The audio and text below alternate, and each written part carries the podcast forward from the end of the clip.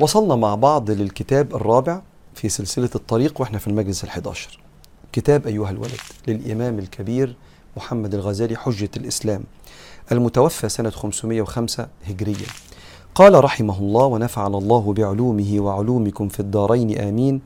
واعلم بيكلم تلميذه أو ابنه. واعلم أن اللسان المطلق والقلب المطبق المملوء بالغفلة والشهوة علامة الشقاوة حتى لا تقتل النفس بصدق المجاهدة لن يحيا قلبك بأنوار المعرفة.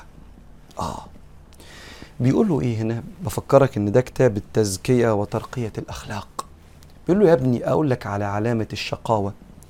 كلمة شقي مش يعني بيتشاقى هو بيعمل بيعمل تصرفات وحشة. شقي يعني بعيد عن ربنا وممكن يكون من أهل النار.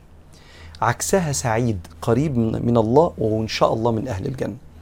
رب العالمين يقول فمنهم شقي وسعيد. فأما الذين شقوا ففي النار خالدين فيها لهم فيها زفير وشهيق خالدين فيها ما دامت السماوات والأرض لآخر الآية. وقال وأما الذين سعدوا ففي الجنة خالدين فيها ما دامت السماوات والأرض. فبيقول له يا ابني أنا وأنت نخاف من موضوع شقي ده. فأقول لك العلامة علشان وانت ماشي مع الله تشتغل على العلامات دي ما تبقاش عندك. ومن هنا تيجي التزكية. إن البني آدم عنده مؤشرات للأداء زي إيه؟ الع- ال- ال- العدادات بتاعة العربية. هو الموتور سخن ما أنت مش هتطلع تجسه. أنت هتشوف العداد كده إيه؟ كسر التسعين ولا كسر كذا يبقى الموتور سخن. هو البنزين فاضي هتشوف عداد البنزين. المؤشرات دي قلبي سليم ولا بعيد عننا؟ قلبي قلب الإنسان الشقي. بتبان في اللسان المطلق والقلب المطبق المملوء بالغفلة والشهوة. دي علامات الشقاوة. اللسان المطلق هو اللسان المطلوء على خلق الله.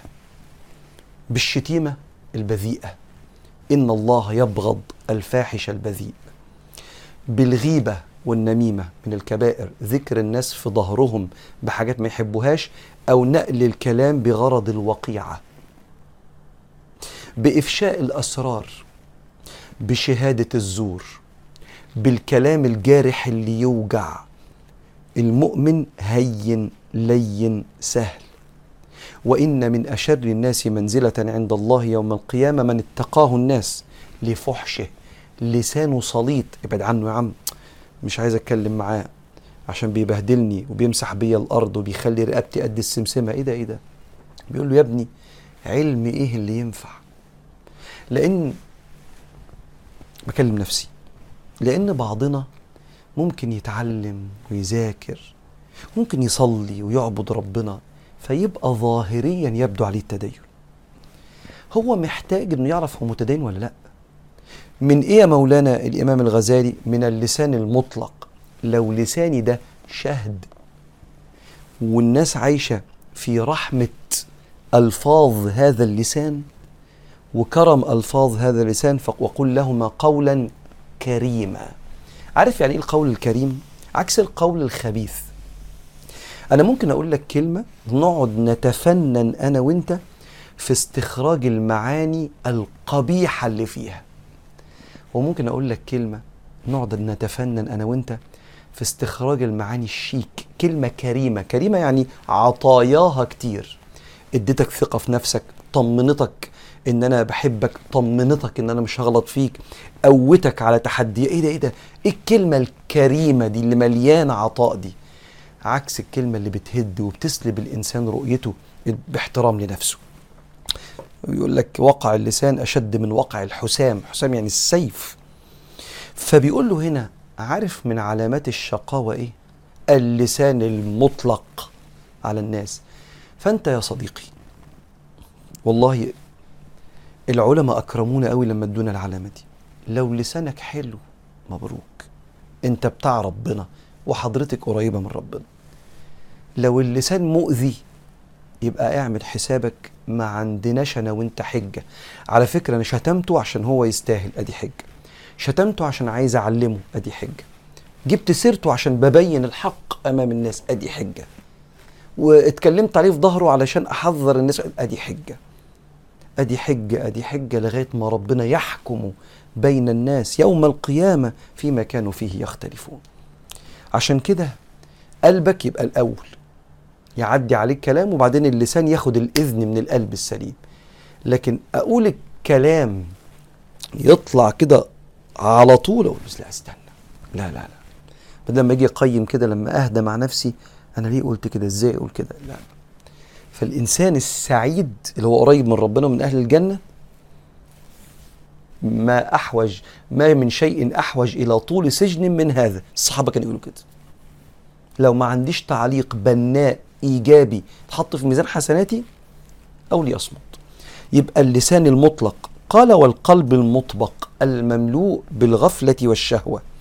دي علامة الشقاء. مطبق يعني إيه؟ مطبق يعني مقفول بأمر من صاحبه. خليني أتكلم عن نفسي. وأنا بتكلم معاك أنا مش شايف إن عندك حاجة تقولها لي مفيده مش شايف إنك أنت أصلا من حقك تفكرني بحاجة. أنا عارف. فوانت بتتكلم أنا قافل قلبي. قافل قلبي من انك تنصحني. فوانت بتتكلم أصلا أنا زهقان. لأن أنا فاهم ان أنا فاهم أكتر منك فانت ما عندكش حاجة تقولها لي. فانا مطبق قلبي على اللي فيه. مع ان ربنا بعتك ليا مستشار وانت بتنصحني.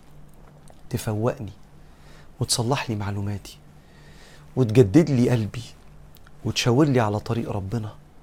بس أنا ال- القلب المطبق الكوباية مفت- مفتوحة من هنا. لو قلبتها كده تنطبق على وشها فما ينفعش تصب مية فيها من الحتة ال- ال- من من قعر الكوباية اللي بالعكس. فالقلب المطبق ده لا بينتفع لا بنصيحة ولا بعبرة.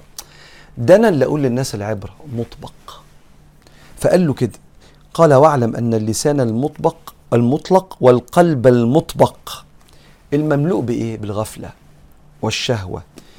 مش شرط الشهوة بعض أصدقائنا يفتكر إن الشهوة الزنا. لا يا فندم.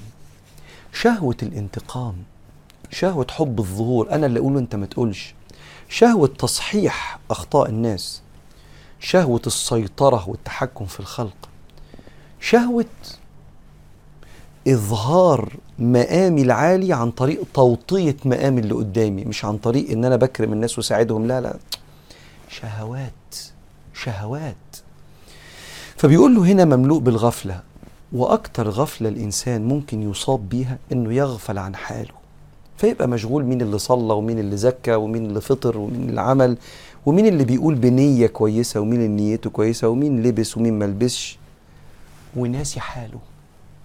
فلما يبقى البني آدم أصله تدين وعمل وقرأ وزي خد بالك ده عالم بيكلم تلميذه العالم يقول له خد بالك يا ابني لحسن نكون علماء ومتدينين بننشر سلاطة اللسان والغفلة وإحنا مش واخدين بالنا. فالشيخ تلميذه مديله المساحة إنه يقول له لي يا مولانا عشان أبقى بنشر الرحمة والعلم آتيناه رحمة من عندنا وعلمناه من لدنا علما. علم من غير رحمة ينفر الناس من الدين. ربنا يقول في القرآن ودي آية بيسميها سيدنا الشيخ آية الإيمان والإلحاد. قال فبما رحمة من الله لنت لهم. أهي دي آية الإيمان. الناس لفت حوالين النبي برحمة النبي عليه الصلاة والسلام سبب رحمة النبي.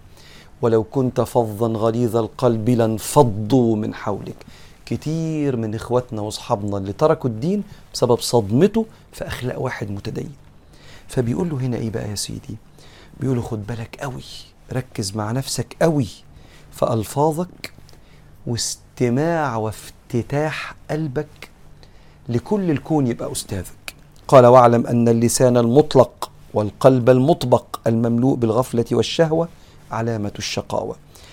حتى يعني يبني لغاية حتى لا تقتل النفس بصدق المجاهدة جاهد نفسك في لسانك وقلبك.